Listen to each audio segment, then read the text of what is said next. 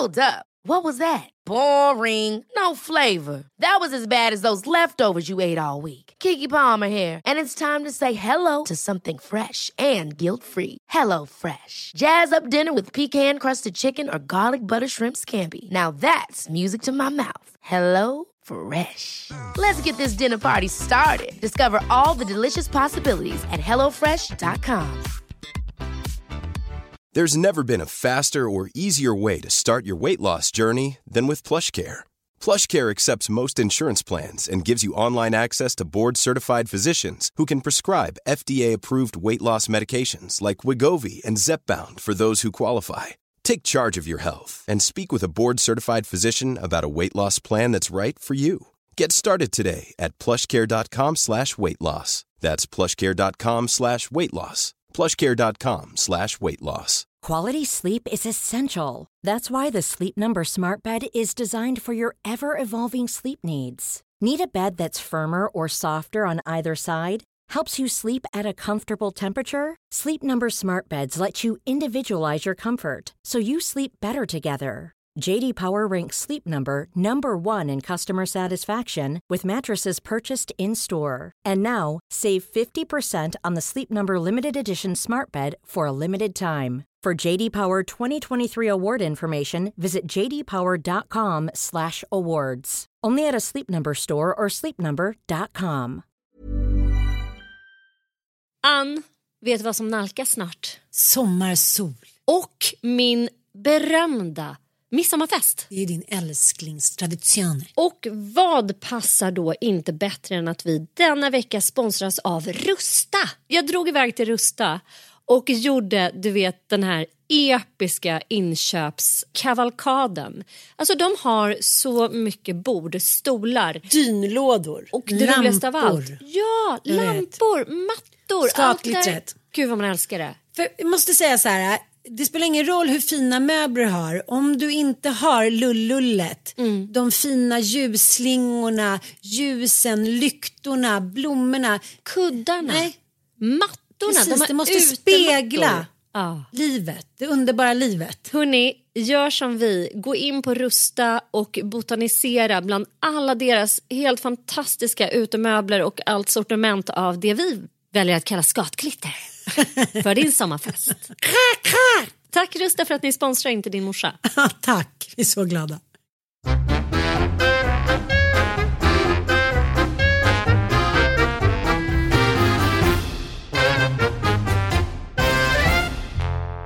Jag ligger i vår säng med så här nya lakan, nu lite nerkissad efter en dag. Och hela, eh, du vet, efter ett kalas med så här 30 personer, att man är, man är inte en jedi, är en kledig. Jag vet inte, vi börjar alltid bråka för jag, jag vet inte, jag känner så här, jag tycker att det är kul att göra en egen tårta. Ja. Ja, Bobo vill inte ens ha tårta, han vill ha glass. Och så kommer lite föräldrar, det tycker jag är trevligt att det ska vara liksom en liten kladdkaka. Sen får Frasse för sig att han ska göra liksom en jävla eh, konstiga muffins. Och sen blir det liksom att jag är fast i köket såklart om allt detta. Och då blir vi typ osams för Mattias tycker så här, men vad är problemet? Du står här och liksom bakar i fyra timmar medan han blir så uppstressad för allting och då blir han så stressad. Då blir allt så jobbigt och så blir han arg på mig hit och dit och så blir jag arg på honom och sen tycker han att jag måste pynta och sen så, ja men allting blir bara liksom i hans ögon kaos. Han tycker att allting måste vara perfekt när folk kommer, du vet. Jag tycker så här, men fan, man kan väl ha på lite grädde på tårtan och och sen blir allting jättebra till slut. Och, men du vet, det är lite vägen till målet. Tyckte inte du det när du var liten när din mamma stod och bakade och förberedde inför ett kalas? Det var ju liksom lika härligt som själva kalaset. Ibland härligt att man fick vara en del av så här, att man fick vara lite speciell och viktig. Och ville man göra någon muffin så fick man göra det, även fast det kanske inte blev jättegott. Men där kan jag ju säga att så här, du tillhör ju en kategori människor som är extremt ovanliga. Gör jag? Alltså jag minns ju första gången jag, när vi precis hade lärt känna varandra. ja, Och vi var på Gotland och du hade bjudit oss på middag. ja. Och eh, jag tror att min mamma var med också. Det var när ni bodde i Martebo, du och Nanook. Just Och du bara ja. så här, ja kom på middag, fan vad mysigt så här. Och vi kommer till Mattebo och ingen är hemma. och jag kan ju säga så här, i 99 procent av alla mina vänner om de har bjudit mig på middag. Då kommer jag dit och då har de stått och fixat och det står liksom dukat och så här. Men du, jag var så här, gud har vi åkt fel? Vad har hänt? Så, här. så ringer man och du bara, ah tja vi är på Fårö. Och så här, eh, oh, gud, så, jag har inte hunnit handla. Skulle ni kunna åka och handla lite? Va? Ja, Gud, nu så hatar jag och mamma så åker och handlar och så här, så det slutar med att så här, vi åker hem och påbörjar och laga en middag och du så här, alltså, och det här har ju inte, alltså det hände ju även när vi var på Klippgatan när du skulle ha en stor tjejmiddag och alla dina gäster stod och lagade maten och du kom hem in till tjejmiddagen sist av alla. Nej, så var det inte. Utan jag hade varit och handlat. Jag kommer ihåg att det två stora jävla laxar. Och Du hade varit, ja, du hade, Ja. ja. precis. Så, de Men flesta du hade kom kommit. ju då, då stod ju liksom hon Anna Rajot stod och gjorde så här chokladmousse och bara vad fan är det här typ? Alltså, så här, i chock över att så här, värdinnan, det var typ inte städat heller i ditt läge. det var det väl så aldrig. här, Jenny började städa och så. Så att du är ju en väldigt udda liksom, sort av människa. För om jag jämför med liksom alla andra mina vänner, som vissa av dem i alla fall är ganska bohemiska, så är Ja. de ändå lite så här. Så att jag kan ju ändå förstå om man då är en person som Mattias med lite så här halvborgerlig bakgrund och med hans ganska perfekta mamma som ändå har varit en så här uppstyrd person väl. Ja, ja, och så ja. bara, ja, ska han relatera till att du är så här, kanske eventuellt är på Fårö när kalaset börjar? Ja, men jag, tycker, jag tycker ju så här. Jag tycker att det här är en av dina absolut starkaste sidor. För jag tycker det är helt underbart att klara av att vara så här. Du har fem barn. Om du skulle ha den där neurotiska attityden eh, med lite så här tvångsmässighet kring att allt ska vara perfekt. Då skulle ju du ha bränt ut det för länge sedan. Du skulle liksom vara du skulle ha ett sånt hårt jobb hela tiden att hålla perfektion. För det Mm. går typ inte när man har fem barn som fuckar upp med kräksjukor och någon slår sig precis innan kalaset kommer och någon råkar kräkas på en... Alltså, Nej, eller men nej, nej, det, det, precis. det uppstår ju saker som gör att det, det rimmar illa med att vara perfektionist. Att ha Det rimmar barn. otroligt illa. Men men jag måste ju säga om jag jämför med eh, mina tidigare kalas och middagar eh, sen jag flyttade till hus.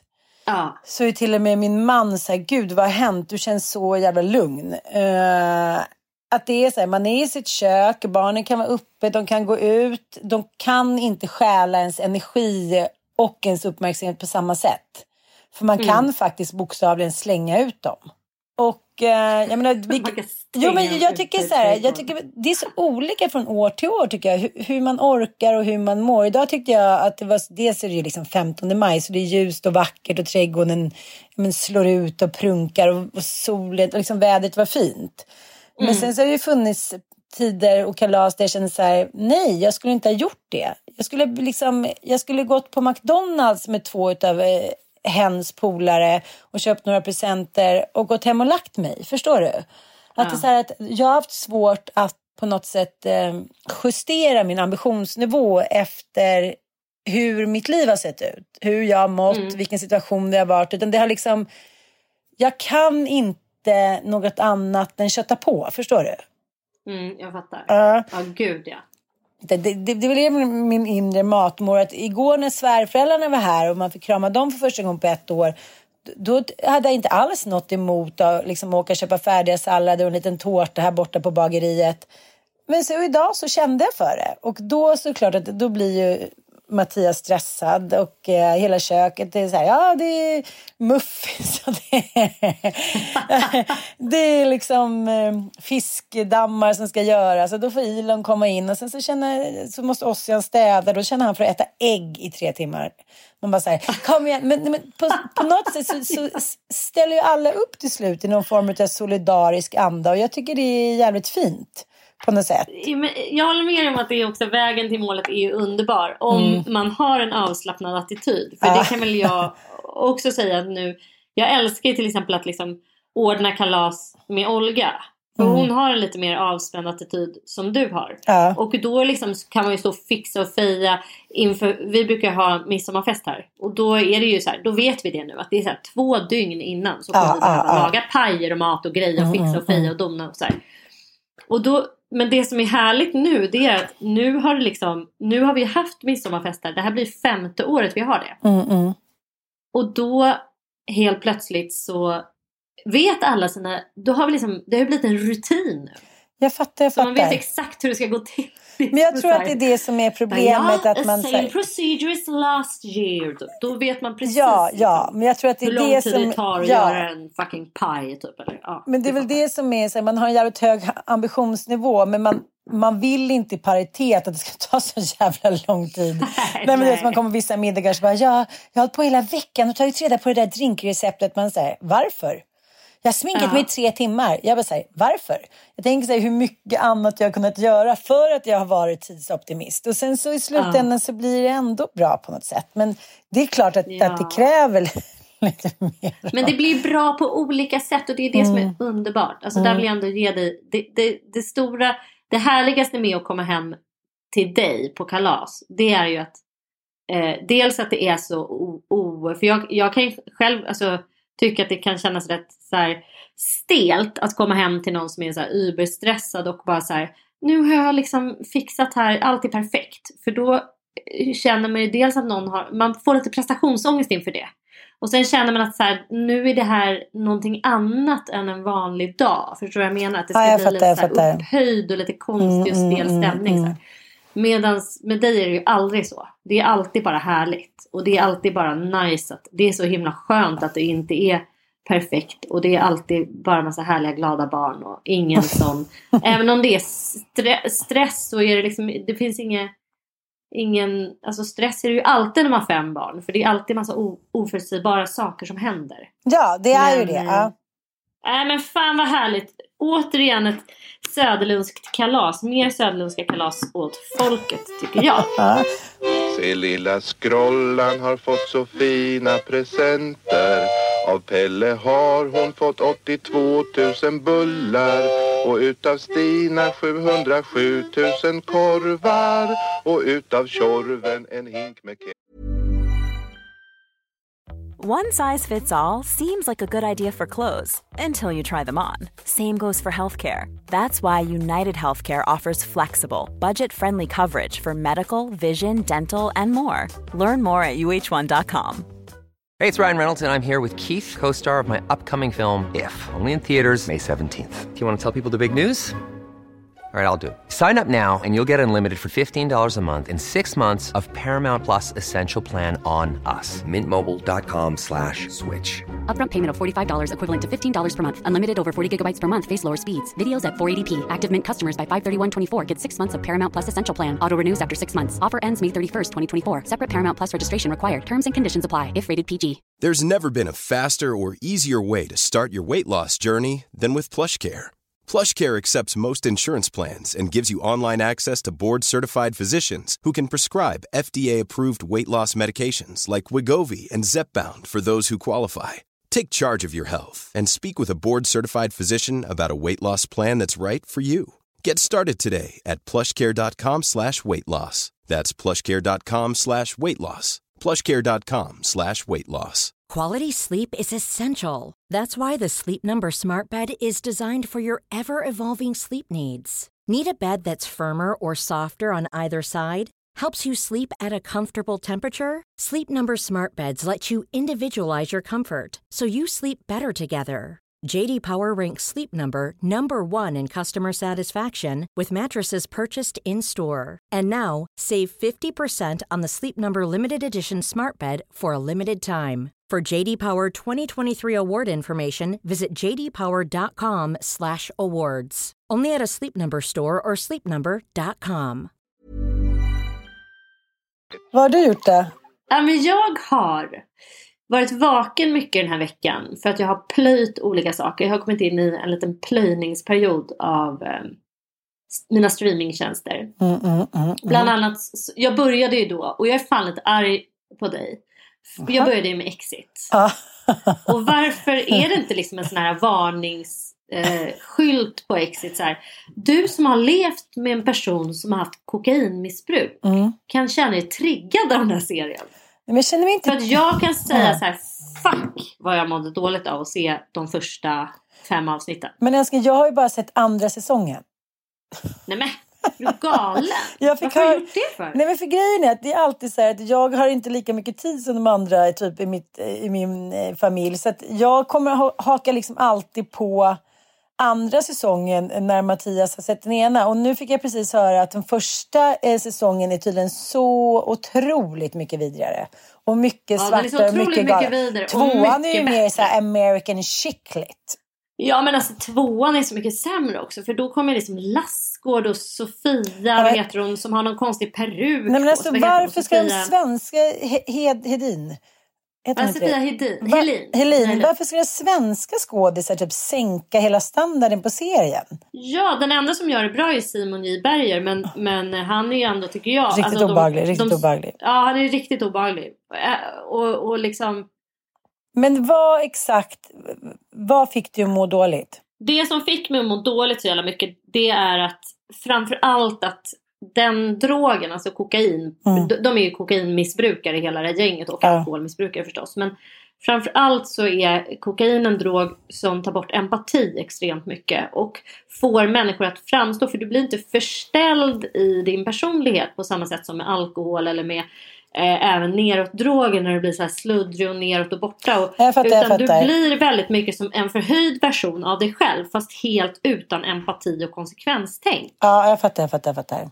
Och det är ju väldigt obehagligt för det är mycket svårare att läsa av en. Alltså det, det är möjligt att om man har vuxit upp med eh, person, alltså föräldrar som har brukat kokain då kanske man är jätteduktig på att läsa av liksom, kokainisters eh, speciella karaktärsdrag och beteenden och sådär. Men jag har ju då inte gjort det. Alltså, min pappa hade ju alkohol, eh, liksom, al- det var ju alkoholen som var number one för honom. Även om han säkert har snortat en och annan lina sina dagar också. Men det var absolut inte någonting som var prio. Nej. Men, men i, i, i, i min och Mickes relation så var det ju kokain som, som var hans eh, stora liksom, kärlek. Mm. Och det är en väldigt, väldigt obehaglig drog. Och människor blir väldigt, väldigt eh, obehagliga av det. Mm, mm. Det är som de säger, de blir, så här, de blir skarpa men, men när människor helt förlorar sin moral och samtidigt blir liksom, tycker att de är supersnygga, sexiga och eh, blir supernarcissistiska och med inslag av någon form av psykopati så blir det ju en väldigt hemsk övermänniska fast mest enligt dem själva då om man säger så. Ja, men det handlar ju, ja, det handlar ju extremt mycket om att stänga av alla typer av känslor. Och bara få ett, så här, en känsla av att man är high on life. Alltså det enda som lirar i hjärnan på människor som har tagit cola det är väl typ att man är kåt och så här, euforisk. Alla andra typer av känslor är borta. Så man har liksom ingen empati, man har ingen känsla för... Man, samvetet är som bortblåst. Eh, eh, alltså självklart, jag menar den här väldigt trasiga William. Han visar liksom baksidan av ett långvarigt eh, kokainbruk. Att du blir liksom extremt paranoid och liksom, du får extremt hög ångest till slut för att det inte biter. Alltså det, det går inte att pumpa ut så jävla mycket dopamin. Alltså det är slut i hjärnan helt enkelt. Men det som också är med Exit, vilket är rätt ovanligt i seriesammanhang nu för tiden tycker jag, det är att alla de här personerna är ju så jävla endimensionella. Ja men om man jämför med till exempel Succession som har lite samma tema, det handlar om extremt rika människor som har liksom empatistörda beteenden. Så finns det ändå, de karaktärerna i Succession, alltså de här barnen till den här väldigt förmögna pappan och histrioniska pappan. De har ju ändå goda sidor också. Alltså de är flerdimensionella. Men i Exit är alla ta mig fan onda. Mm, Alltså det mm. finns ju liksom inte någonting gulligt. Jag, och det, det märkte jag på mig själv att jag så här, jag försöker liksom leta efter någonting gulligt Mm. hos alla de här personerna. För att jag vill känna med dem. Jag Mm, vill liksom skapa relation till dem. För det gör man ju oavsiktligt när man tittar på en Ja, men serie. annars skulle ju inte en enda serie göra succé eftersom det, det ofta... Ja, men, men, man älskar ju även boen ofta för att de, de, de, måste Ja. ha sympatiska drag. De måste vara mänskliga och goda någonstans men det är någonting som har ställt, in, ställt till det. Men här är det ju bara liksom manschauvinistiska, elaka, amoraliska, As. sadistiska as liksom. Ja. Och det är väl han, Men vad heter han då, som är lite gullig med sin mamma och pappa? dumma i huvudet. Ja, jo, jo, jo. Ja, men, men ja. ä- ä- det är också det att det är så här, även de här kvinnorna. Så jag tänker så här, är, är manusförfattarnas liksom stora stora vision eller mission med den här serien att så här, äh, krossa kapitalismen? Eller vad fan är det de vill med den här serien? Varför vill de att vi ska tycka att de här asen är så jävla genomvidriga liksom? Mm. De har i alla fall Eh, lyckats. De har i alla fall lyckats. Ja, jag bara, vi flyttar tillbaka till med någon- Norrlands typ. Vi köper di- din gammelmormors gamla typ lada och flyttar dit. Ja, ja Nej, men jag verkligen. måste säga att det, det, är en, liksom, det är en kraftfull effekt som den här serien hade på mig. Jag var så här, Ja, okej. extremt kraftfull. Ja. Alltså man blir så här, åh gud vad osugen man blir på alla typer av så här, beteenden när man eftersträvar pengar och aktiehandel. Och, men den blir alltså i, i säsong två, spoiler alert för er som inte har sett den här serien. Eh, Vadå, har du sett båda alltså, säsongerna sen vi jag har sett sist? båda, ja gud för fan. Jag har ju plöjt, jag har ju inte sovit en blund på hela jävla veckan. för jag har Förlåt, bara plöjt den här förlåt. men, eh, ja, men det är ju att eh, i den andra säsongen så kommer ju då Lassgård och Sofia Helin Ja, in i bilden. oklart slags, eh, varför, oklart ja, Och det är så jävla fåniga karaktärer, ursäkta mig. Men förmodligen är det de så att vara- SVT har gått in med en liten sudd och då måste Mm. liksom några svenskar kvoteras in. För jag, jag fattar inte vad de gör där och de har inget syfte med sina roller. Det är väldigt märkligt tycker jag. Men sen är det också så här att de är så uppenbart har de gått, frångått för att man hävdar ju alltså, man hävdar ju att den här är baserad på verkliga intervjuer med eh, med aktie, liksom med börshajar typ. Och att det här liksom är förankrat i verkliga eh, människor. De här svenska karaktärerna känns ju bara helt plötsligt som att det är så här två Pippi Långstrump-gubbar, Kling och Klang som de stoppar in. Alltså de är jättefåniga. Ja, eh, Lars väldigt går, runt och liksom så här, ja, men ska vara någon slags 80-talsgubbe som sitter i en Mm. yacht. Alltså det blir jätte, jättepatetiskt. Men jag tänker, alltså, nu har vi båda erfarenhet av det här. Du lite mer än vad jag har. Jag vet inte om du tycker att det är för privat. Men, men mår du dåligt för att du tycker att du känner igen mycket i det här? Nej, alltså han är ju med. Alltså herregud, nej jag, jag, det gör jag inte. Alltså, för Exit mår man dåligt av på flera nivåer. Man, på den, den, på, I flera dimensioner. Dels så skildrar den ju liksom ett sken, skenande kokainmissbruk hos alla de här fyra. För er som inte har sett serien så handlar den här serien alltså om fyra extremt förmögna, vi pratar alltså mång, mång, mång miljonärer. Norrmän och en svensk fast han bor i Oslo. Det är eh, killar som har gjort sig rika på aktiespekulationer, alltså Mm. på att spekulera i aktier. Och det här är ju en form av handel som pågår som är lite i gränszonen mellan att vara, eller väldigt mycket i gränszonen. Eh, den är ju helt enkelt olaglig. Det är så här insider-tips om Så liksom få vilka... som blir straffade. Så jag, det, Ja, för hela, hela den där lilla världen med folk som Mm. har sådär mycket pengar. De, de är, skyddar ju varandra och så.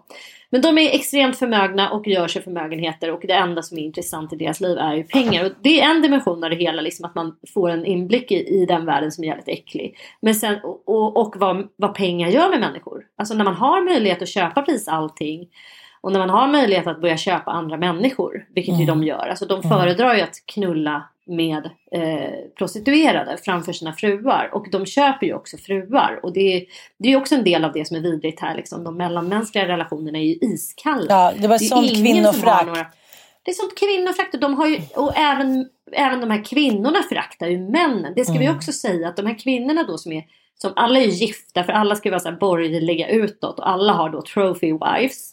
Och de sitter ju och resonerar högt och vitt och brett om att det är mycket bättre att ha sin fru anställd. Och så ska man skriva feta äktenskapsförord och sen ska de kasseras när de är över 40 och så vidare. Men Att är ligga med en, vet du man säger om en kvinna över 40? Det är som ligga med ett lik. Jag bara, jaha. Vad jag då typ? Det är vi som är lika. Vi så här, maskätna. Äh, det, men, men, Ja men vet du Ja. vad man blir sugen på kände jag också en sån här brinnande längtan när jag såg Exit. Det är att jag bara vill så här, jag vill gå in i den där världen och så här råmanipulera de här hjärnorna med så Mm. här känslomässiga saker så att de bara får känna någonting så att som de inte har varit med om. Så här, blanda ayahuasca in i deras, ja men du vet så här, bara visa dem vad förälskelse, förstår du? Man blir så här, men gud vad är det här? Det, det, det är så endimensionellt på något sätt. Men så, ja, absolut så mådde jag ju skitdåligt över kokaingrejen och det kunde jag ju verkligen känna igen. Alltså det här suget, att man är helt går över lik. Alltså ingen relation är viktigare och det är, så ser det ut med alla beroenden. Det är inte Mm. kokain framförallt. Men Sen hur folk blir på kokain, det känner jag igen. Du vet här glasklara, man framstår Mm. som att man typ är mer nykter än än, På ett ja, alltså eh, man, man är så jävla förhöjt läge liksom tycker att man har sånt jävla koll på läget liksom. Mm. Det är väldigt, väldigt obehagligt. Och jag, oh, det finns liksom ingenting jag... Men Alltså, du jag får fortsätter ändå titta på den? Ja men då tänkte jag så här, jag ska KBT mig själv. Det här är säkert någon vits. Och sen började det ju gå över så det funkar ju. Alltså KBT funkar ju. Ja, Så man kan ju liksom till initialt tycka att det är skitjobbigt att känna sig triggad men sen går det ju över. Och sen, Mm. Så att liksom, nej så farligt var det inte. Men det är ändå Alltså jag tyckte det var värre när jag såg Lady Gaga och Bradley Cooper mm, Ja, som avslutas liksom med att hon hänger, eh, mm. han hänger sig. Det var Mm. så här tre månader efter mamma hade tagit sitt liv. Det var Mm. inte skönt att se den filmen. Nej, det var inte bra för mig. Då var man bara så här. Ja, där satt jag. oh Det var no, mycket här liksom. skrikgråt inne på den där. Vi var på så här, lite romantisk dejt jag och Mattias. Och liksom, du vet Ja. när man får så här, bita typ i en whiskytrasa, bita i pinnar. Man får ont i käken, man får ont i halsen. Du vet sättet som man, som man sväljer på när man vill hålla Ja. inne en framvällande gråt. Det finns nästan Ja. ingen mer förgörande och förtärande känsla. Det går ju liksom Nej. inte, men det går ändå på något sätt. Men eh, jag tycker det är intressant. Jag bara kommer att tänka på, eh, jag läste en intervju med Anna-Karin Palm, vet du vem det är?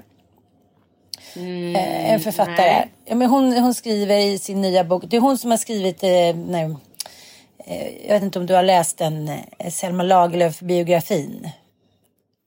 Ja, eh, vad heter den? Att ha världen i rörelse. Ja, Ja, ja, nå- något att sätta världen i rörelse. Att sätta världen i Ja, rörelse.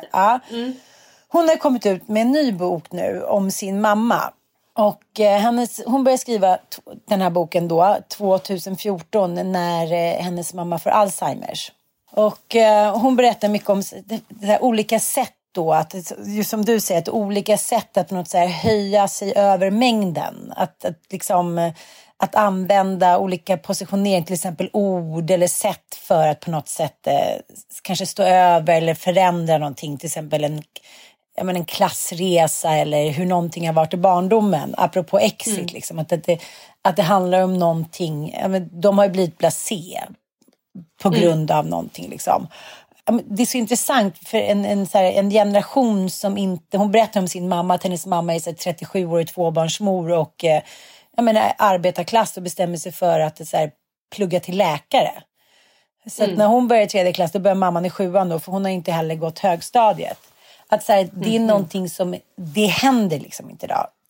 Det, det, finns, det finns inte sådana enorma klassresor, förstår man? Jag tycker man är mer fast i sitt skal än vad man var innan, vilket också kanske är för överklassen då liksom förtärande. Men, men hon, hon berättar då att, så här, att hon eh, att hennes mamma, för hennes mamma var det väldigt viktigt då att, så här, att hon, mamman var vacker och hennes syster var också vacker men inte smart. Men, men eh, Anna-Karin var då eh, inte vacker men smart.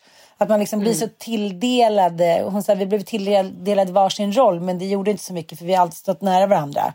Men så sa hon någonting som jag tyckte var väldigt intressant. Att eh, hon ville då bli kallad mor. Och man skulle säga mor och far. Det var mycket så här skådespel. Att de var så här, den härliga, roliga familjen. Att hennes mamma kom själv från ett alkoholisthem och övergrepp och arbetarklass. Och för henne var det så här, genom att, att någon att hennes barn kallade henne mor var att hon liksom helt plötsligt då hade gått till nästa klass och att titulerades på något sånt där. Och eh, hon sa också att fördelen med att vara den smarta som inte var snygg på 70-talet var, var då att man på något sätt accepterade att det var så.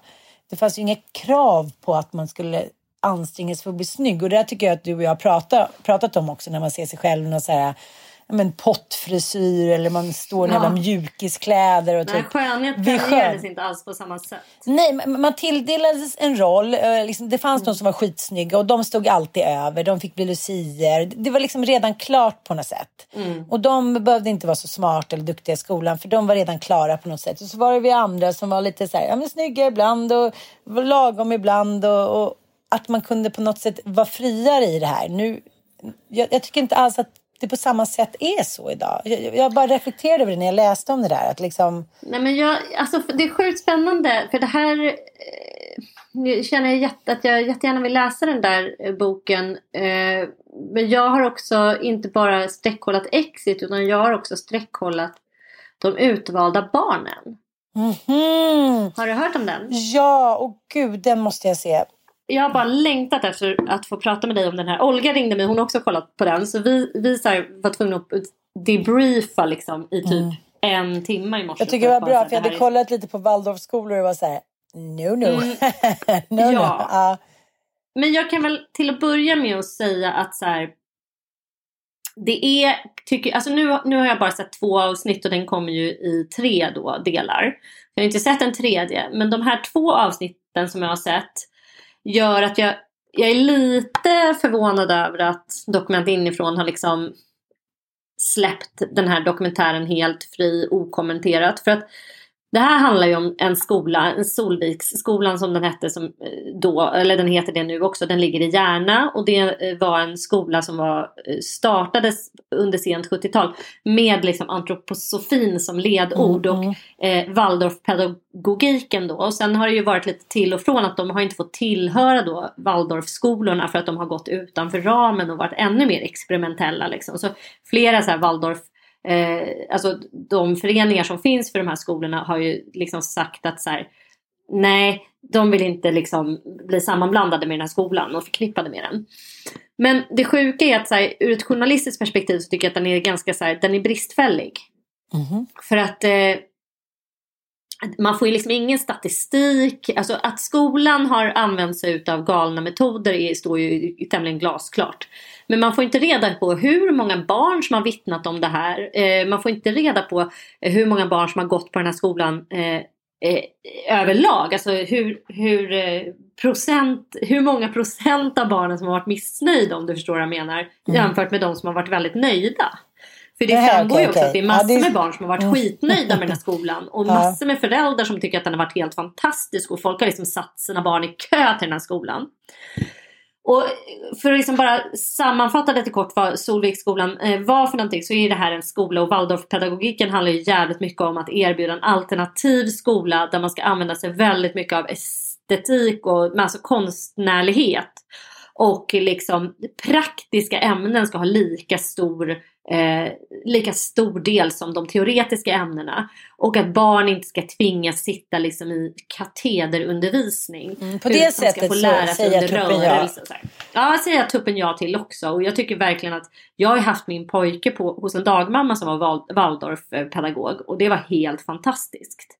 Eh, de gillar inte skärmar, de gillar inte plastleksaker, de eh, tycker inte om TV, de läser inte så mycket utan de håller på med muntligt berättande. De vill inte påtvinga eh, barn kunskap utan de tilltror barnet att... Ja men det är liksom, de har massa idéer och... eh, Mitt ex blir grön i ansiktet när jag nämner Waldorf. Ja, för att han är uppvuxen med gröna vågen och många Mm. utav de som har tvingats liksom hålla på med Waldorf som kanske inte Passar i det. har passat in i det har ju tyckt att det varit helt fruktansvärt. Och det är Mm. de personerna som kommer till tals i den här dokumentären. De barn som Alltså Jasper Lake som han heter, som har gjort dokumentären. Han var ju en utav de barnen som passade in i den här skolan och som verkligen blev sågs som ett utvalt barn på något sätt och som hade, mindes sin skolgång som fantastisk. Och det som är lite grann med Waldorf och hela antroposofin och som jag kanske det enda jag har liksom lite svårt för. Eller inte enda, men det är ju att de upplever sig själv som att de står över. De har fattat grejer som vi andra inte har fattat. De, liksom, de har nått en helt annan andlig nivå av livet och valt det rätta sättet att leva. Och det, är, ju- det, är liksom, det här är ju det här är någonting som är eh, gemensamt för alla sektistiska rörelser egentligen. Och det som är skillnaden från, alltså som gör att de inte kan betraktas som en sekt, det är att de inte är slutna mot omvärlden. De är öppna mot omvärlden. Liksom. Så alla är ju välkomna till Järna och titta in där och så.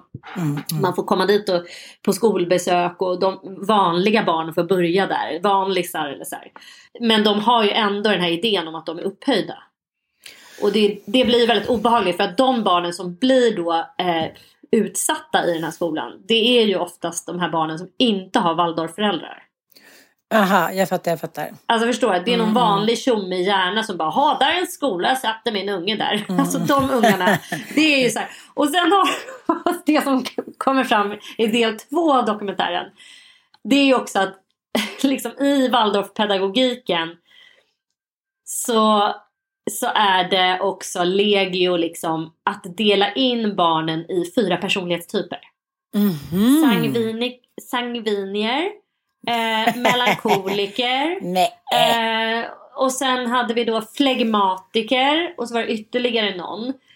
Eh, och det här är ju ett pedagogiskt hjälpmedel då från början för att varje barn har ju, alltså alla barn har olika personlighetstyper och olika sätt att lära sig. Men i den här skolan så var det så jävla genomskinligt att sangviniken var den fina människan och flegmatikerna var de fula människorna. Nej. Jo, och det här hade ju liksom alla barn fattat. Och alla barn blev placerade liksom. Alltså alla barn fick veta vad de var för personlighetstyp redan när de var små. Liksom. Men Att så här, gud, vad du är melankoliker. Ja, man det var tilldelad en roll. Mm, man blev tilldelad en roll som det sen typ inte gick att ändra på under Nej, hela jag fattar, skoltid. jag fattar. Och när man då verkligen så här, lägger ett extremt värde för alltså, val, ideal, idealmänniskan i, inom Waldorfrörelsen och inom liksom antroposofin det är ju Sangviniken har liksom ett barns öppna sinne. De är så här, nyfikna, rörliga. De är i nuet. De är, så här, de är i kontakt med sina kroppar, med sin andlighet och sin själ. Och de bara dansar runt i små sidendressar och är så här, du vet. Alltså, det är någon slags lätthet som är väldigt så här, ett, med ett barns lätthet. Den typen av uttryck liksom. Eh, och man skulle inte sitta still utan man skulle helst vara en galenpanna som så här, var modig och våga kasta sig från den högsta grenen. Och man skulle vara väldigt fysisk. Fan, jag hade ju liksom. passat så perfekt. Jag och Frasse. Ja du hade passat. Alltså du hade ju, ja fy fan vad du hade varit sangviniker där alltså. Rörligt intellekt, helt galen och bara så här. Jag hade varit en Men- kung. men- Jag hade ju varit en så här, hade ju lätt blivit en melankol, melankoliker. Mm, Och varit så här, betraktad som en sämre sorts människa. Liksom. och alltså, nej, det är ju ingenting som är bra överhuvudtaget. Eh, och, så den är sjukt fascinerande. Men den är också lite orättvis. Och som sagt, jag tycker inte att den håller journalistiskt måttet. Liksom, för att, bak, för att liksom, avslöja. Det är ändå en dokument inifrån produktion. Fattar, det, fattar, det, fattar. det är liksom samma som har gjort fallet Kevin. Mm, Nej, det handlar om en liten skola och det är liksom inte barn som har dött där utan det är barn som har haft så här, en dålig skolgång. Och jag kan säga så här, vem fan har inte haft en dålig skolgång? Gå in på en så här, kommunal skola under 80-talet. Vad hade de för idealbarn där? Farsta, tydligt Kvickenstorp. Sveriges sämsta skola Ja. blev vald till. Tack. Ja, men jag tänker också så här, Myresjöskolan i Orminge. Det är klart att våra lärare hade, alltså det var så jävla tydligt vad de ville att man skulle vara för typ av människa. man skulle vara en duktig flicka som satt längst fram och höll käften och gjorde som läraren sa. Det är en grej som stör mig så jävla mycket fortfarande. Det var när Mia Pettersson sydde typ en ljusblå asful blus under hela åttonde klass och fick femma. Och jag sydde typ 33 olika plagg i sann Madonna-anda och fick typ tvåa. Men då lackade jag ur. Då gick jag fram till Tråd Hitler som vi kallar henne för. Och sa så här, "Äh, det här är liksom inte okej. Då fick jag en trea. Så att, eh, men, men jag tänker lite, jag tycker ändå att det är spännande att jämföra det här med Exit. Jag tänker så att där är de ju supernarcissister. Eh, de vill ha uppmärksamhet eh, på sitt eget sätt men de, de bryr sig inte, deras själar är tomma liksom. Men det som har hänt också om vi ska gå tillbaka till Anna-Karin Palms mamma och att man kunde göra en sån klassresa även om man inte började som ett geni eller liksom något underbarn när man var så fem år gammal. Det var inga så här Mozart-kvinnor, det var så här arbetarkvinnor som bara, "Men nu tror jag att jag ska bli läkare förresten. Och, och det, var, det var så möjligt. Det var så brukt för att man kunde leva till exempel på en lön. Just för att man liksom lagade mat själva, man sydde. Alltså, det, det, omkostnaderna var inte särskilt dyra. Man kunde köpa liksom ett hus för en spottstyver. Så var det ju verkligen. Liksom. Men, men det, som, det som ändå för, ett försvar tycker jag till Waldorfskolan det är också de här idealisterna. Att det var under den här under 60 och 70-talet eller 40-talet, 50-talet så var det många som växte upp med föräldrar som ändå ville någonting annat. De ville bort från sitt ursprung men inte på grund av att de kanske föraktade det eller, eller på något sätt skämdes över utan för att de var idealister. De ville liksom skapa något Mm. De bättre. ville ge sina barn någonting ja, bättre. både för världen och, eh, och, och liksom för sina barn. Att det, så här, det fanns en sån otroligt stark tro på att man kunde skapa någonting bättre. Och det är ju det som de här jävla, vad heter han, Henrik bland annat, som man glimrar till lite när han då är inledning på andra säsongen då i, vad- är de, i Zimbabwe och typ jagar, jagar hjortar. Mm. Att så här, de, de är så blasé, de skiter i, det blev fel djur, det blev inte ett lejon, det blev någon liten hjort. Men ja, då får det vara manligt. Att stoppa ner skiten i någon kista och skicka hem. De orkar inte ens känna efter sin, sin inre kärna. De har bara så här, bestämt sig för att cash is king. Och man, man, liksom, man använder sin makt. Det kommer alltid finnas de människorna. Det är så en liten del av människorna som är så här, the fittest survive. Och det kommer alltid vara så och resten kan dra åt helvete typ. Det är bara så jävla sorgligt när han håller det där talet när han Ja, säger- ah, och samtidigt så är det lite sant. Att det är så här, senaste Ja, tio också så här- åren så har ju liksom en liten, liten procent av vi har bara, liksom, vi, de har bara blivit rikare och rikare. Det går liksom åt fel håll. Förstår du vad jag menar? Ja, och därför blir jag liksom lite ledsen också när jag, när jag såg den här De utvalda barnen. För att jag, jag tror ju verkligen att vi behöver Waldorfskolor. Och på ett, så det jag hade önskat lite grann mer av den här dokumentärserien det är liksom att så här, att man i alla fall hade kunnat ge dem lite cred. Att man i alla fall hade kunnat säga att så här, fan den här pedagogiken har faktiskt bidragit till att massor med grejer som har varit bra. Och sen kan jag ju säga så här också att det är ganska ironiskt att så här, Jasper Lake då som har gjort den här, han är ju så här tv-makare. Jag vet jättemånga så här, kreativa människor som har gått till Waldorfskolor. Eh, alltså, det skulle vara intressant att göra lite data på det. Alltså så här, vad händer med de som har gått till Waldorfskolor? Går det verkligen åt helvete för dem? För det, det är någon tjej som är där och vittnar om att så här, ah, när jag skulle söka jobb, det var skitsvårt för jag kunde ju inte skriva och läsa. Ja, det är skitdeppigt men jag tror tyvärr inte att det är Waldorfskolans fel att det händer utan det är jättemånga som går ut vanliga skolor som inte heller kan läsa och skriva. Det är liksom ett jättestort problem som vi har i Sverige. Att det tyvärr ser ut så nu. Eh, att det, det är många som har läs och skrivsvårigheter när de går ut nian och som inte klarar grundämnena liksom. Jag skulle verkligen vilja se data på att det ser värre ut i Waldorfskolor än vad det gör här. För det är lite det man vill påskina, vilket jag tycker jag inte riktigt tror på. Och det är det jag menar, så här, det håller inte riktigt klassen för dokument inifrån. Om det inte är så att i den tredje delen kommer data, att han presenterar liksom det här ur ett större perspektiv. Att han går ifrån de individualistiska, liksom, de här, jag ska inte säga små, men de, de här, det är väl typ sex eller sju vittnesmål som man har fått se hittills. Alltså barn som har gått i den här skolan som på ett eller annat sätt har blivit utsatta av lärare eller blivit mobbade av andra elever och inte fått stöd av lärare. Och som har känt sig psykiskt misshandlade av skolans ledning och lärare liksom. Eh, men det är liksom lite för få tycker jag för att man ska kunna dra slutsatser. Det är naturligtvis helt fruktansvärt. Inga barn ska behöva ha det så. Eh, men det är inte så att Waldorfvärlden tror jag är bättre eller sämre. Alltså jag skulle vilja hävda att jag tror att de är bättre på att ta hand om barns eh, känsloliv än vad kanske en vanlig skola är. Och Ja, det hade behövt liksom ett jämförande perspektiv. Som sagt, det här är så här, sko- alltså jag minns ju själv hur fan, hur jävla kul var skolan egentligen?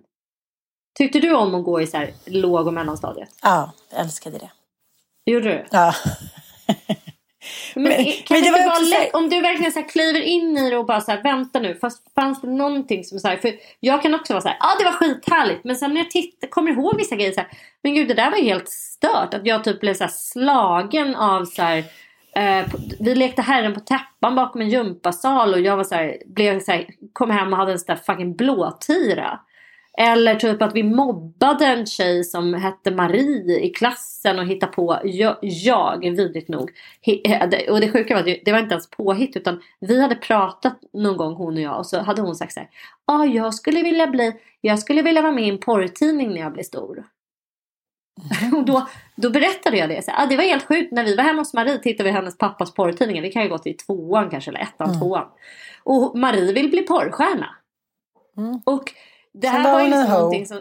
Ja men då fick jag ju liksom en sån jävla... Då kom så här, hennes farsa till skolan och bara Du ska inte snacka skit om Marie typ din jävla ungjävel typ. Ja du vet jag bara va? Jag har inte Det händer skit, jag har bara nu. sagt som det var. Det händer ju inte nu liksom att vi fick så här, göra upp saker. Och så här, vi hade liksom barn som var så lite stökiga. De fick så gå in i någon liten obsklass Mm. och lugna ner sig. Alltså det var jävligt mycket galna grejer som hände. Som man ändå bara har så normaliserat och bara Ja, accepterat. ja. Obsklassen hade ju typ. ett, ett, eh, en egen klass och fotograferades då med eh, underrubriken Obsklassen. Ja, och där gick ju alltså inte bara personer De som hade sattes ju i down en roll syndrom. kan man ju utan- lugna. Ja, och jag kan säga att det var så här, helt plötsligt så bara, nej nu får du gå i obs-klass. Mm, Vi hade liksom så här, ADHD-killar som, jag, jag hade en liten kille som han var från Albanien tror jag. Han hette Bessim. Jätte, jättegullig kille. Jag var superkär i honom. Och han var ju all over the place. Alltså säkert kanske hade han så här krigstrauma, alltså vad vet jag, alltså så här flyktingtrauma. Men han var ju också så här, kanske hade ADHD, I don't know. Men det var ju inget snack om saken. Det var ju bara så här, han får gå in i obs-klassen idag. Alltså det var så, det var ju helt bisarrt i den Men, men det var liksom, man, var också. lite, man hade inte samma tålamod med sin lösningsorientering. Att det var så här, om någon var dum mot ens barn, då gick man till skolan och skällde ut den ungen. Det var, gick inte via liksom kurator eller lärare eller psykolog. Det var så här, du ska inte snacka skit om min tjej, alltså min dotter Marie va. Eller man hade så här, snott någons Barbie bara, du har snott Fredrikas Barbie, din jävla ung, nu lämnar du tillbaka den. Inte alls gjort, inte alls gjort. Alltså det var verkligen så här djungens lag överallt. Man, man hittade på lite sätt som man så här snabbt gjorde, ja men rättade till saker och ting och sen gick man vidare. Det kan finnas någonting lite skönt i det på något konstigt sätt. Alltså inte Ja, men just med no-. Ja, men, liksom, men- nej, obsklassen var ju helt bisarrt och det har man ju kommit fram till idag. Men det som ändå var, och, och jag menar, det var ju också så här. Jag kommer ihåg att vi frågade våra lärare, vi skulle ha skolval så här. Vad röstar du på? Nej, det får vi lärare inte säga. För det fanns ju då också så här. De hade ju också då, var ju fostrade i att de inte skulle politiskt påverka oss. Och de skulle inte påverka oss överhuvudtaget. Det var också någon bisarr idé. För det är klart att lärare påverkar en jättemycket. Alltså lärare påverkar ju eh, skolbarn enormt mycket. Jag minns liksom att så här, vilka ämnen blev jag bäst i? Jo, i de ämnena där jag blev sedd och fick beröm. Fast jag var Såklart. helt ointresserad av dem. Så att när jag gick i mellanstadiet då hade jag en lärare som tyckte att hon hade någon slags ambition att hon tyckte att flickor skulle bli duktiga i matte och i naturvetenskapliga ämnen. Och alltså hon, helt plötsligt var matte mitt favoritämne. Fast jag är så jävla värdelös på matte för att hon verkligen med all önskvärd tydlighet belyste det. Och jag kan säga att i den klassen som jag gick i då, som då var en musikklass. Vi hade ju också såna här jävla konstiga idéer om att vi var lite bättre än alla andra. För att vi hade, ju, vi hade ju sökt och kommit in på Nacka musikklasser. Precis, Så ni var lite ju bättre än alla andra. Så vi var ju liksom B-klassen. För vi har ju liksom kommit in, alla som gick i B-klass, 4B, det var ju musikklasser. Men där, inom där var det också en hierarki. För det var ju vissa utav oss som hade kommit in som reserver. Och Oj då, reserverna var ju så... Ja, men de var ju inte bra. Nej. Och även de, så här, de som fick sjunga solo. Det var ju Mm. de bästa eleverna. Och det, våra musiklärare var ju så tydliga med vilka som hade bra röster. Mm. Och vilka som inte var bra. Alltså det behövdes inga så här, inga jävla personlighetstyper där. Utan det var bara så här. Du har en fantastisk röst. Du behöver lite stöd. Och liksom. Och det här påverkar ju barn så jävla jävla mycket. Men, men jag tänker Mer så här, nu är det ganska mycket ja, men diskussion, debatt om eh, de här rasbiologin som, som har varit väldigt, så här, väldigt uttalad i Sverige väldigt tidigt. Eh, just det här med att ja, finnar och judar och lappar och allting. De var så här, sämre, liksom, lägre människor. Det skulle icke beblandas med den ariska rasen och bla bla bla. Och eh, jag menar, det är så här att, att försätta någon i en liksom roll. Det är någonting som, som eh, ja, men vi har hållit på. Jag tänker bara så här på Alva och Gunnar Myrdal. Som själva var liksom den sämsta jävla päronen i världshistorien men ändå höll på med sina reformer kring hur vi i Sverige skulle leva våra liv. Liksom. Nu var ju de idealister på sitt sätt men de hade ju sitt på det torra, de hade massa pengar, de blev handelsminister, bla bla bla. Men- det jag menar är att de har ju varit väldigt starka i hur vi ser på, men hur de, de formade ju väldigt mycket under 30, 40 och 50-talet. Och de, de, det var ju samma sak att man, de tyckte att inte alla skulle uppmanas så här, att skaffa barn. Utan man, det skulle vara, tanken var att barnen skulle då vara efterlängtade A-barn. Förstår du vad jag menar? Och, det, de tyckte också, och de utökade också steriliseringslagstiftningen. Det skulle liksom, ja, för de kallar det här för profylaktisk politik och det skulle ju då gagna både stat och individ. Men, men sen skrev de då Myrdalarna framskapa ett bättre människomaterial. Så det har alltid varit där att liksom, den här jävla starka idén om ras och jag menar att man trodde att miljön ja, påverkade människor. Det som gjorde att reformerna var så viktiga, att det var miljön mer än arvet. som då var så viktigt. Och därför var man tvungen att göra de här reformerna och barnkrubborna och hjälpa mödrarna. Och vad var det, Alva Myrdal sa någonting om att kvinnorna ska stå sida vid sida med man och inte bli tjocka, feta haremsdamer. Så det, så, det, det, det har väldigt sällan ifrågasatts att man då tidigt på något sätt försätter barn i, i liksom sin framtida roll. Och det är jävligt svårt att ta sig ur det. Jag tror det är ännu svårare idag på något sätt. När det är sån krav på liksom utseende, hets och. Nu, nu, får ju barn, nu får ju barn betyg och redan det mm. gör ju att barn i sexan och, och, vissa politiska partier vill ju ha eh, betyg redan tidigare. Mm. Och redan då får ju barn en idé om huruvida de är smarta eller inte. Och mm. sen finns det ju en annan extremt tydlig liksom eh, ett väldigt tydligt idealbarn idag som inte fanns när vi var små tycker jag. Jag tycker vi hade kanske lite högre i tak för att så, alla ska få vara med och alla har en mm. plats och så här.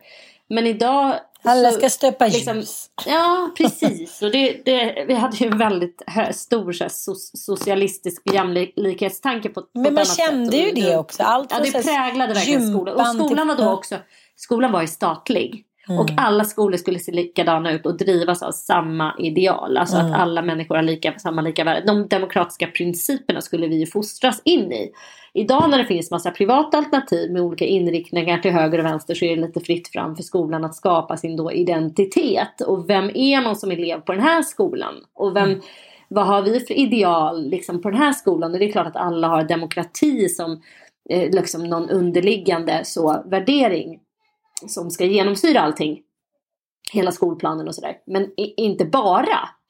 Eh, eh, utan det är ju så här, här, har vi, här premierar vi det här och här är det så här. Men just betygen är ju verkligen ett sätt. Och jag tycker också så här, introverta barn idag har ju lägre värden än extroverta barn. Och det ses ju tydligt i skolplanen. Alltså du ska kunna, dina, vad är det de säger, dina verbala förmågor eller dina, alltså, du vet alla de här olika förmågorna för att kunna få ett A. Alltså jag har ju ett barn som inte är ett dugg verbalt. Alltså han är en blygis, en introvert mm. person. Han kan aldrig få ett A. För att han är, har liksom för dåliga då verbala mm. förmågor. Det är han, så jävla stört. Han är körd redan där. Han är körd redan där. Mm. Och det är, så här, det är helt bisarrt att det ska få avgöra. För det handlar inte om kunskap. Jo, då tycker man helt plötsligt det att så här, verbala förmågan är jätteviktig. Man kan väl för fan ge uttryck för kunskap eh, via det skrivna ordet. Det har man i alla fall alltid kunnat fram tills man bestämde det här. Mm. Nu måste liksom. alla vara stuppare i amerikansk anda. Ja, alla ska mm. kunna stå för, ta för sig. Alla ska visa sina verbala förmågor och hålla så speeches, typ jävla TED-talks. de ska så här, jag, ser min älskade Kara Slog som säger vi ska, jag skulle bara hälsa välkomna till, eller vadå hälsa, jag ska inte alls hälsa välkomna. Jag skulle bara säga någonting så här, nu ska vi sjunga för Bobo, grattis vår lille pojk. Men lite fina ord bara sådär. Men då ja. ser jag ju så här, hur han, det börjar hettas i hans ansikte. Så här, Tar du det? Då säger du något nu. Nu, nu säger du något bara. Och då är det ändå så här 15 sjuåringar. Så, så här, han, är så, han skulle vara så fucked i dagens liksom, skolor. Eh, men jag kommer ihåg när vi började föreläsa, jag är ju alltid så här, hej. Så det är klart att jag kan vara också nervös, det vet du också. Men om man tänker på hur du var för några år sedan, vår första föreläsning och nu. När du är ett jävla TED-talk. Alltså det, det handlar ju bara om det, det, är det bästa rådet jag kan ge. Ta, här, ta rygg på någon så smart, härlig kompis.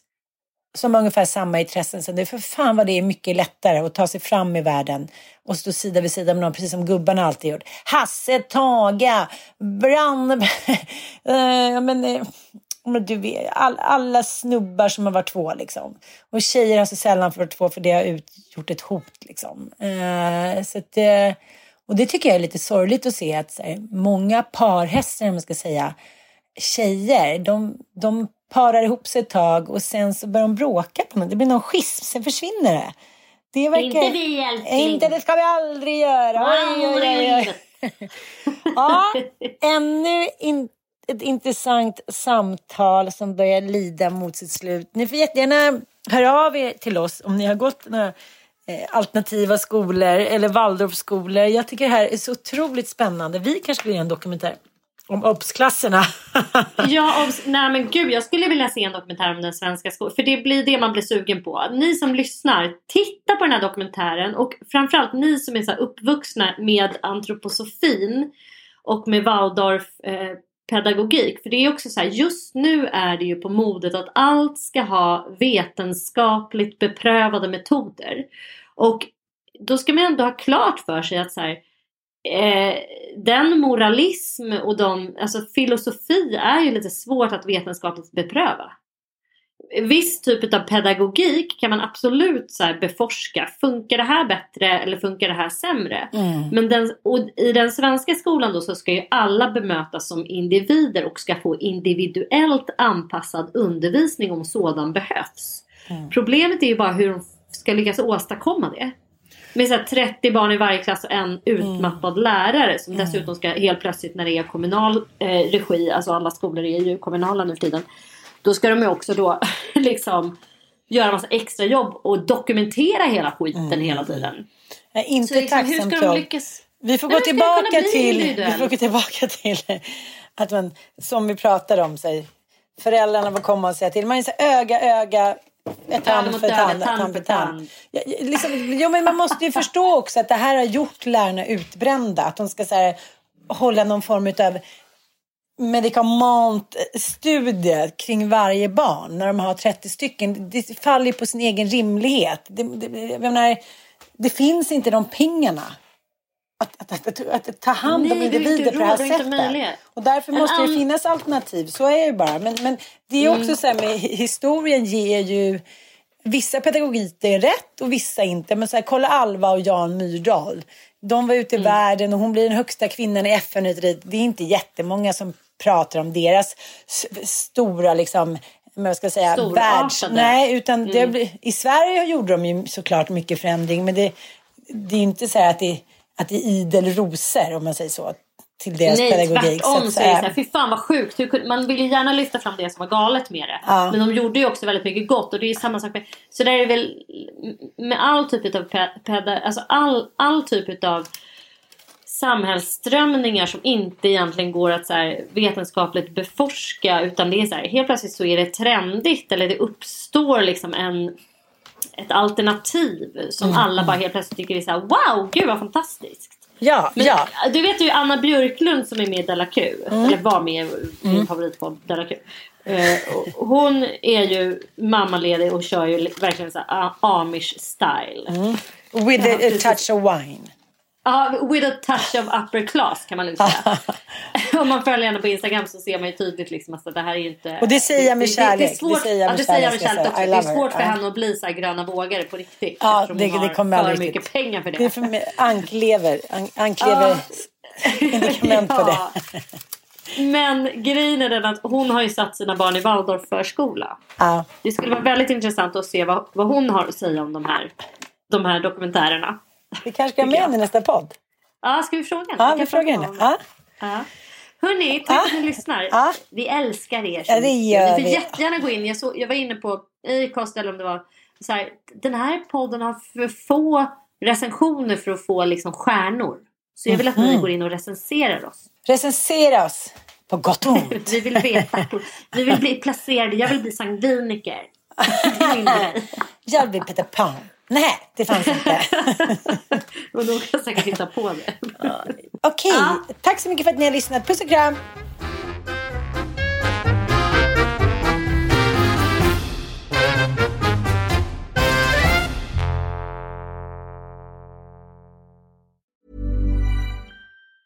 Hi, I'm Daniel, founder of Pretty Litter. Did you know cats tend to hide symptoms of sickness and pain? I learned this the hard way after losing my cat, Gingy. So I created Pretty Litter, a health monitoring litter that helps detect early signs of illness by changing colors, saving you money and potentially your cat's life. Pretty Litter is veterinarian developed, and it's the easiest way to keep tabs on your fur baby's health right at home. Go to prettylitter.com and use code ACAST for 20% off your first order and a free cat toy. Terms and conditions apply. See site for details. Even when we're on a budget, we still deserve nice things.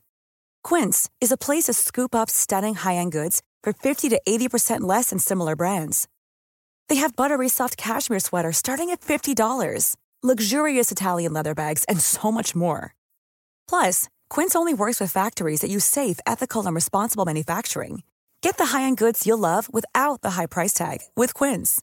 Go to quince.com/style for free shipping and 365-day returns. Hi, I'm Daniel, founder of Pretty Litter. Did you know cats tend to hide symptoms of sickness and pain? I learned this the hard way after losing my cat, Gingy. So I created Pretty Litter, a health monitoring litter that helps detect early signs of illness by changing colors, saving you money and potentially your cat's life. Pretty Litter is veterinarian developed, and it's the easiest way to keep tabs on your fur baby's health right at home. Go to prettylitter.com and use code ACAST for 20% off your first order and a free cat toy. Terms and conditions apply. See site for details.